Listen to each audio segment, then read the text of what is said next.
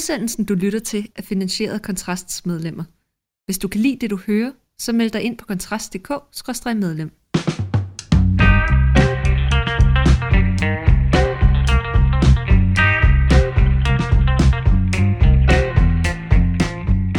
Velkommen til øh, mandagens udgave af Fyraften med Kontrast med undertegnet Mikkel Andersen ved den ene mikrofon og Rasmus Ulstrup ved den anden. I dag der skal vi snakke lidt om øh, udviklingen i krigen mellem Hamas og Israel, og så derefter skal vi vende øh, Ny Borgerlige, der som enkelte måske bemærkede havde deres landsmøde her i lørdags. Men jeg tænkte, vi lige skulle, vi lige skulle tage en lille opdatering på...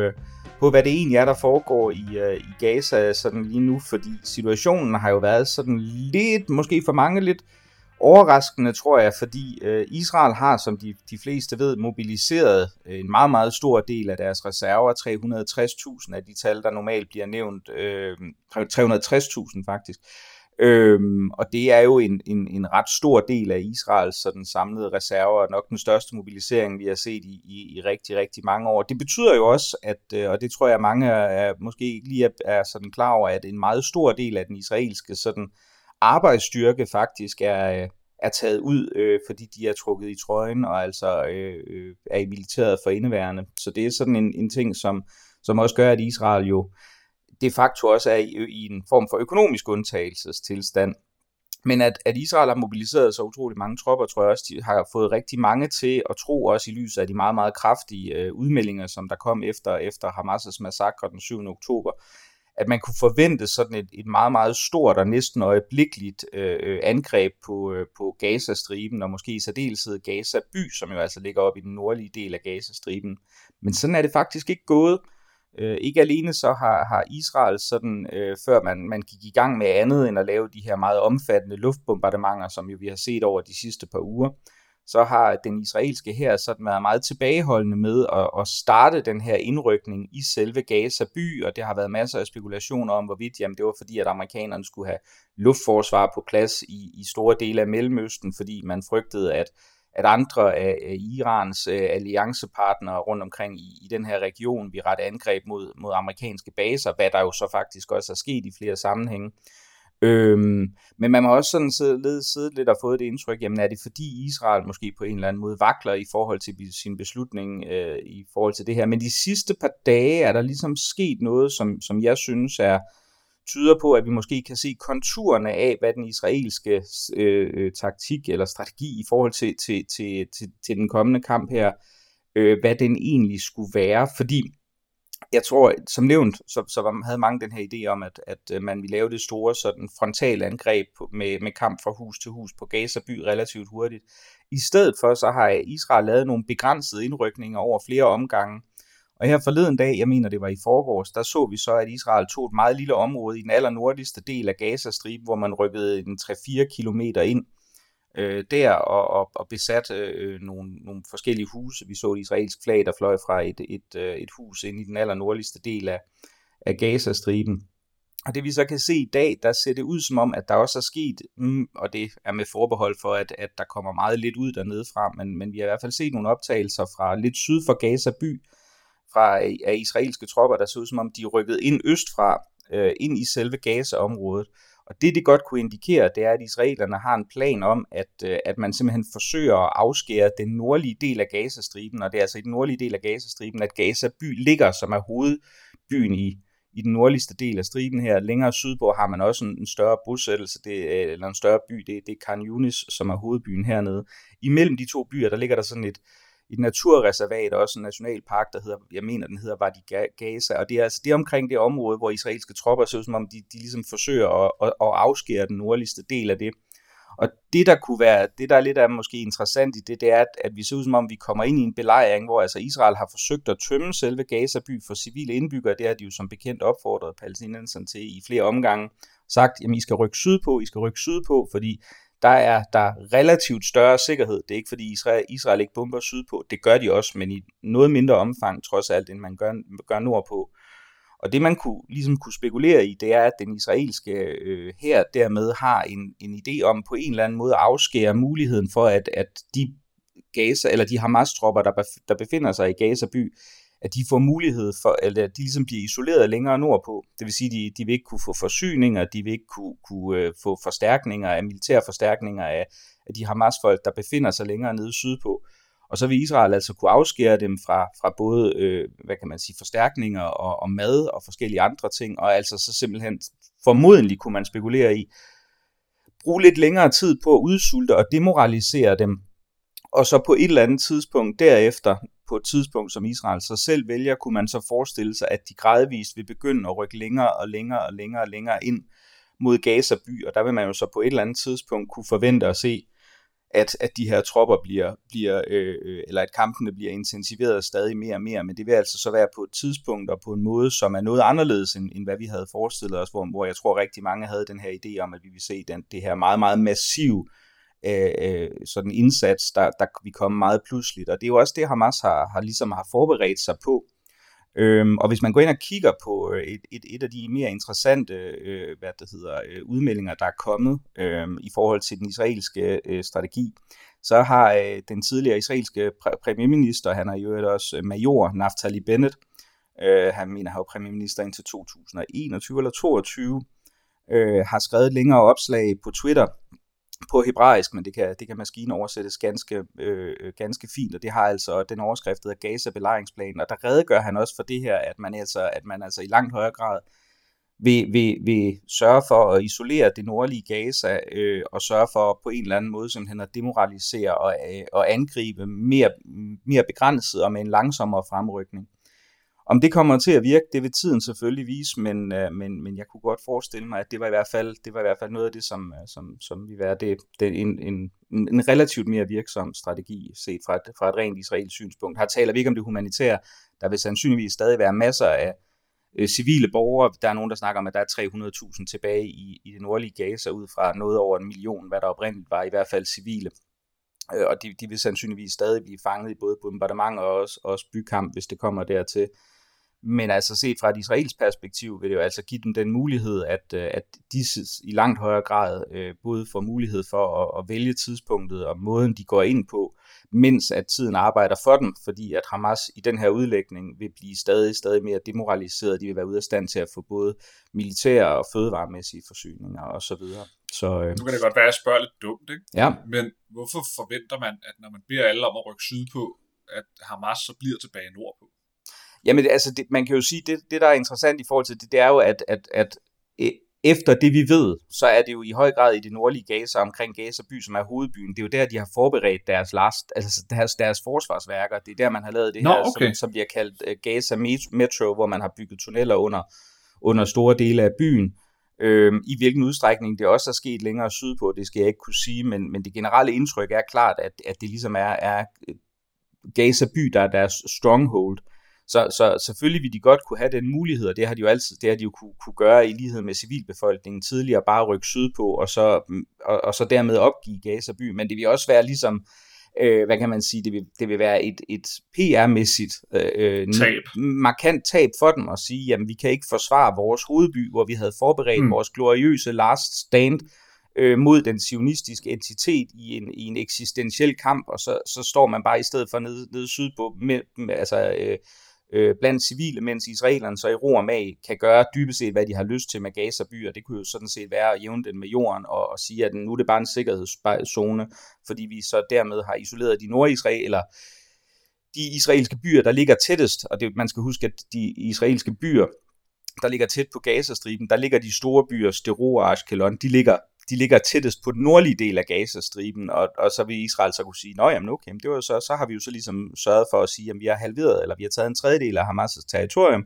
og vi har skabt større sikkerhed til, for, vores, for vores israelske byer, og det kostede ikke engang en eneste israelsk liv, øh, et eneste israelsk liv, så vi har påført dem nederlag, og så kan man jo fortsætte med at udvikle en strategi for, hvad man så vil gøre i forhold til den sydlige del af Gazastriben. Så på den måde vil det være en, næsten uanset hvordan man vender det, vil det set fra et Hamas-perspektiv være lidt en lose-lose situation. Ikke? Øhm, okay, så, så det er fordi Hamas faktisk har i sinde at tage kampen?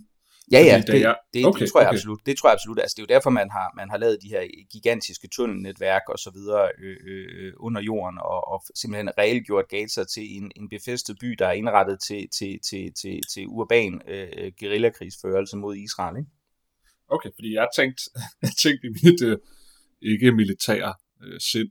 Og tænker det er sådan lidt underligt at sige til alle mennesker, I skal bare rykke ned sydpå, fordi vi bomber altså her, og så forventer at dem, man vil bombe, siger, alright, så bliver vi stående. at, at det, det er jo ikke, fordi de ligesom har tradition for, øh, hvad kan man sige, ikke at ville gemme sig blandt deres civilbefolkning. Nej, nej, nej, overhovedet Hvis det er fordi, de har forberedt, at det ligesom er der, slaget skal stå, så giver det jo pludselig bedre mening for, for mig.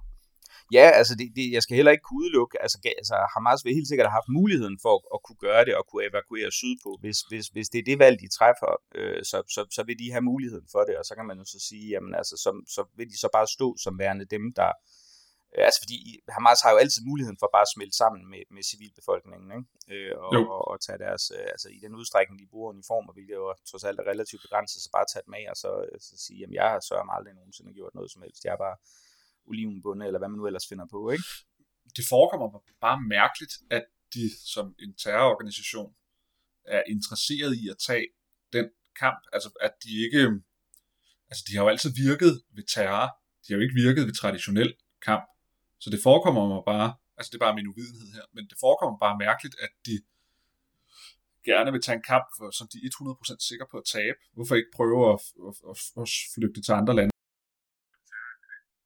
Jo, altså jeg tror, altså man kan sige, at Hamas vil jo sandsynligvis have muligheden for at kunne komme ind i Ægypten via, øh, via, via grænsen under, øh, eller via tunnelerne, der går, der går under øh, fra Gazastriben og ind, i, ind i, i, i Ægypten. Men problemet er, at, at man kan sige, at det vil jo være et enormt tab for, for, for Hamas, hvis eksistensberettigelse jo trods alt er at, yeah. og hvad skal man sige, at, at øge øh, øh, det territorium, som de palæstinensernes navn hævder at kontrollere, ikke? Så man kan sige, hvis de, hvis de blot fuldstændig forsvinder, så må man jo så sige, at, at altså, hvad, hvad var det så deres, øh, i, i deres egen optik, deres utrolig øh, heroiske modstandskamp egentlig førte til? Jamen det var jo så, at, at, at, at de mistede det territorium, hvor de jo så havde opbygget sådan en de facto øh, øh Hamas-kontrolleret semistat, ikke? Øh, så, jo, så det vil jo, jo, og man skal også huske, at det jo ikke, altså, at, at Øh, Hamas har jo ikke vist sig uvillige til at slås mod, mod Israel på, på landjorden, og heller ikke i bymæssige. Altså, Israel lavede jo en indrykning tilbage i, øh, i, i 2014, og også gjort det flere gange tidligere, og der viser, har Hamas vist sig, sig meget, meget villige til at føre, hvad skal vi kalde det, øh, altså det er jo ikke sådan en konventionel krig på den måde, de er jo en, en guerillabevægelse, men altså at føre en, en, en, en reel og systematisk militær kampagne rettet mod de israelske tropper, der forsøgte at rykke ind i Gaza, og det har også påført israelerne tab. Ikke? Så, så alles okay, forventning ja, ja. har været, at hvis Israel lavede den her store og øjeblikkelige indrykning i øh, primært Gaza by, jamen altså, så ville Hamas have forberedt sig til tænderne ved at have mineret området, ved at have øh, bygninger, der er forbundet med det her omfattende tunnelnetværk, så det vil sige, at israelerne vil ikke kunne vide på hvilket tidspunkt, hvis de, altså, hvis de bliver beskudt fra et vindue, eller bare et lille bitte hul, der er blevet boret, øh, øh, der er bredt nok til, at et enkelt øh, øh, kan, hvad det hedder, geværløb kan stikke ud af det, jamen altså, så kan de blive, blive lukket i baghold i alle mulige områder, som er Hamas kontrolleret, og så blive, så blive dybest set blive angrebet fra alle sider på det her tidspunkt, og så inden de kan nå at indkalde flystøtte, jamen så kan øh, de, de Hamas-folk, som så er der, jamen altså, de kan så synke i jorden nærmest bogstaveligt talt, fordi de kan bruge de her tunnelsystemer til at komme i sikkerhed, og kæmpe fra en ny position på et senere tidspunkt, og det er jo noget af det mest jeg, jeg er jo ikke militær, hverken analytiker eller historiker, men, men alle folk, der har forstand på det, siger, at det er noget af det aller, allermest svære øh, mm. scenarie at kæmpe i, også fordi at den teknologiske overlegenhed, som israelerne i, i udbredt grad, i nogen grad bliver undermineret af, at, at Hamas er i stand til at, og, og, hvad kan man sige, at have nogle fordele i kraft af, at de både kender territoriet bedre, og altså har haft de her 15 års tid til at forberede sig ekstremt grundigt, ikke? Jo, ja, det giver mening. Så ja, men altså hvis man vil læse lidt mere, så som nævnt øh, i, i øh, shownoterne, som man vist på nudansk kalder øh, den tekst, der ledsager den her podcast, så kan man jo gå ind og, og øh, maskinoversætte øh, Naftali Bennets udlægning af, hvad, hvad han i hvert fald mener, den israelske strategi er. Øh, øh, om han, øh, og det her skal jeg lige sige, han er jo ikke en del af den nuværende regering, og heller ikke øh, af, af dem, der, der står for herledelsen, men, men det er i hvert fald hans take på, hvad, så vidt jeg kan se i hvert fald, hvad, hvad, hvad han mener, den israelske strategi er, så kan man jo selv gøre sig bekendt med det.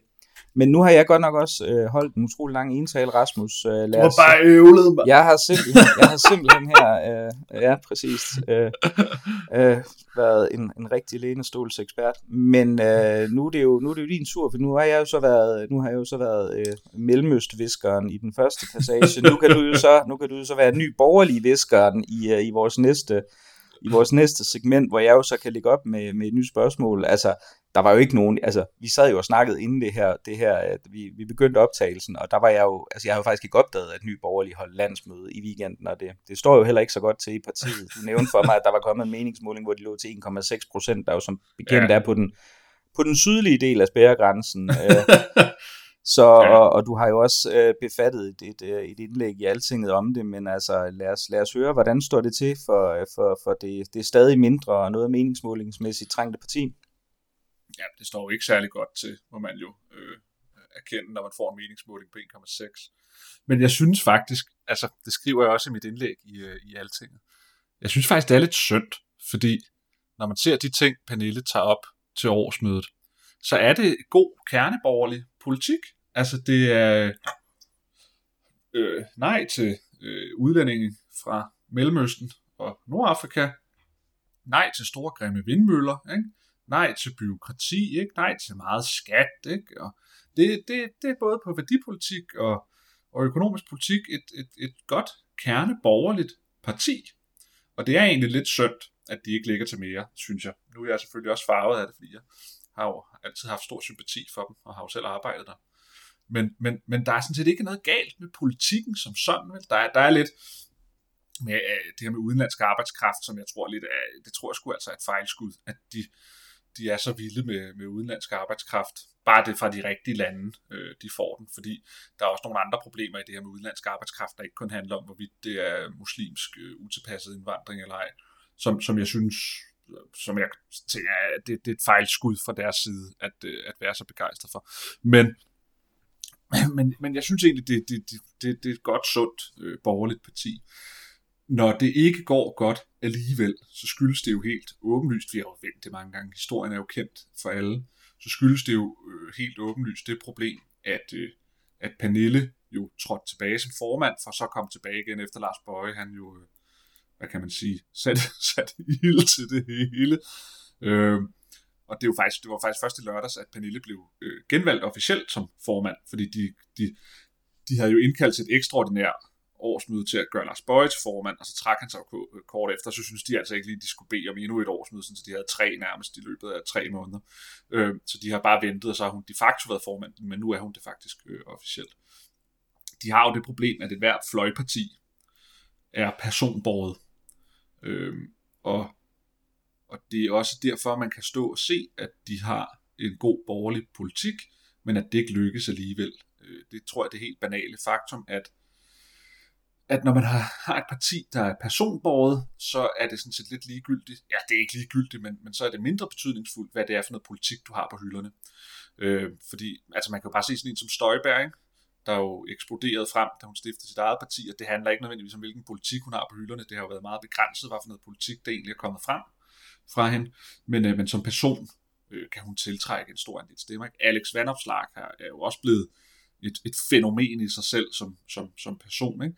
Og Pernille Vermund har bare ikke den troværdighed, så at sige, længere, fordi hun jo trådte tilbage øh, først, og så kom igen senere. Så hun har ikke længere den der, øh, det friske pust, den frække pige i klassen, der kommer her og fortæller sandheder til, til omverdenen, som folk synes er mega frægt og, og fedt.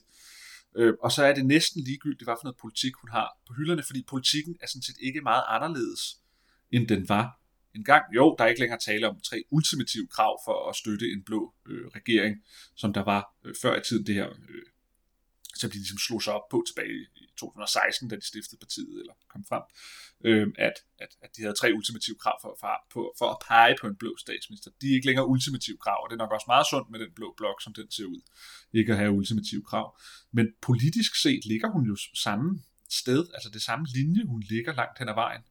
Øh, men, men, det, men, men det ændrer ikke noget, og det er simpelthen sådan en personlighedsting men, når man er et lille fløjparti. Men, men jeg tænker også, at, at hvis man ser på altså de nedsmeltninger, som, som andre partier har haft, der har kunne man måske sige, øh, at det mest op, den mest oplagte analogi sådan, øh, nok var øh, det, der skete i Liberal Alliance efter, efter Anders Samuelsens øh, afgang og det her katastrofale folketingsvalg tilbage i, i, i 2019. Altså der, der, der må man jo sige, at det tager lang tid for partier at få genopbygget den troværdighed, særligt på, altså for et parti, hvor hvor det har været så tæt bundet op til Pernilles egen person, og så ender hun med, ja. med at trække sig selv, altså sige, jamen, øh, nu forlader jeg politik, og så, så, så eksploderer det hele i hænderne på Lars Bøje øh, og, og diverse assorterede møgsager efterfølgende. Og så finder hun så ud af, og det, det kan man jo sige, er jo sikkert altså set fra, fra partiets perspektiv også beundringsværdigt, at, at så går hun ind og siger, nu tager jeg så, nu tager jeg så tøjlerne tilbage, fordi uh, projektet er trods alt vigtigere end mine karrieremæssige ambitioner. Men hun har jo ligesom også tilkendegivet, at hun, hun vil egentlig ja. helst ikke være der, ikke? Og, og, og så samtidig står de tilbage med en folketingsgruppe, hvor det jo reelt er hende, og, og, og så Kim Edberg, der, der, der er de eneste, der er aktive, fordi Lars Seier Christensen er, er, er sygemeldt, ikke? Altså, så, så, så er det ikke godt nok en, uh, altså det er en tall order, og, og, og, og ligesom at rette op på også, fordi man kan sige, at, at, ny, at med, med, med, med, med, hvad kan man sige, altså Liberale Alliance, jamen der havde de godt nok en utrolig lille folketingsgruppe, og, og Alex Vandopslag var jo, var jo også sygemeldt, men, men altså der formodede man jo trods alt at, at have sådan en, en, en stærk profil udad til i kraft af Ole Birk og Henrik Dahl, som jo, jo var nogle arbejdshester. Der virker det måske for mange sådan lidt mere flagrende, hvad det egentlig er, der, der, der foregår i Ny Borgerlig, og det, det tænker ja, jeg også er en altså, der, der, der, der er den store forskel, at Alex Vandopslags troværdighed var ikke ødelagt, da han kom til. Tværtimod var han det friske nye pust. Han skulle så bare bevise sig. Mm. Øhm, og så øh, kan man sige, der er den forskel også, at sådan som de har gjort i Nye Borgerlige, det er i hvert fald sådan min tolkning af det, det er, at Kim Edberg, han står for alt det, hvad kan vi kalde, daglige, praktiske, politiske arbejde. Han har jo 35 ordførerskab. Kun overgået af, af Torsten Geil i sidste valgperiode. Det var det eneste folketingsmedlem for Alternativet. Det vil sige, at han havde alle ordførerposter. Han har som en ordfører for, ordfører for alt. ordfører for alt. Det, det er ærgerligt, de aldrig skrev det sådan ja. når han blev interviewet sådan MF, øh, formand for Alternativet, ordfører for alt. Det skrev de aldrig, men ja. det kunne de godt have gjort. Nå, og der tror jeg, at det lader til, den måde, de har gjort det her i NB, det er, at Kim Edberg står for alt det, så det giver plads til, at Pernille kan være ansigt udad til, altså være formanden, der, der ligesom kan, kan koncentrere sig om, hvad kan man sige, den politiske diskussion, altså være den, der går ud. Problemet her er jo bare, at medierne har mistet interessen for, hvad Pernille Vermund egentlig går og mener og siger og synes. Og så er det ret svært at bygge et parti op omkring, at alt plads skal gives til, at hun er ansigtet udad til, fordi hun, hun, hun har meget svært ved selv at sætte dagsordner, altså selv at komme ud, fordi folk er grundlæggende lige glade. Og der havde LA alligevel den fordel, at Henrik Dahl og Ole Birk og Alex var alle tre ret store kapaciteter i forhold til at debattere og tænke politisk og lave politisk idédebat og alt muligt andet, øhm, som, som de ikke har hos Nye Borgerlige. Altså Kim Edberg er ikke LA's Henrik Dahl, og Peter Sejer er ikke LA's Ole Birk Olesen. Og, og det gør det svært, fordi når Pernille er den eneste, der skal være den, der så sige ansigt ud til, men samtidig også er hende, der har mistet sin troværdighed i forhold til, at hun trak sig og kom tilbage igen, jamen så er det jo en, altså så, så, så står man jo i en situation, der nærmest ikke kan løses. Og det er jo, det er jo også lidt det, meningsmålingerne viser på øh, ja, 1,6 procent. Og, og, og jeg kan ikke se nogen vej ud af det. Altså jeg kan ikke se nogen øh, måde, hvorpå det kan være anderledes. For du kan jo ikke lave om på de mennesker, du har. Du kan ikke gøre Kim Edberg til en eller anden øh, Henrik Dahl-type, som så i egen ret kan skrive en masse indlæg i de store aviser og skabe noget debat på den måde. Og du kan jo ikke bare give Pernille hendes, så at sige, troværdighed igen, øh, fordi man ønsker det. Så, så det er en, en, en grundlæggende, øh, for mig at se, næsten umulig kamp, de står overfor, fordi at det handler om alt muligt andet end den politik, de har på hylderne. Fordi hvis det bare var politikken, det handlede om, og, og ikke så meget alt det andet udenom, så, så, så kunne de sagtens ligge bedre. Øh, men, men, men det er en, um, de, sidder, de sidder i en klemme, der ser meget, meget svær ud.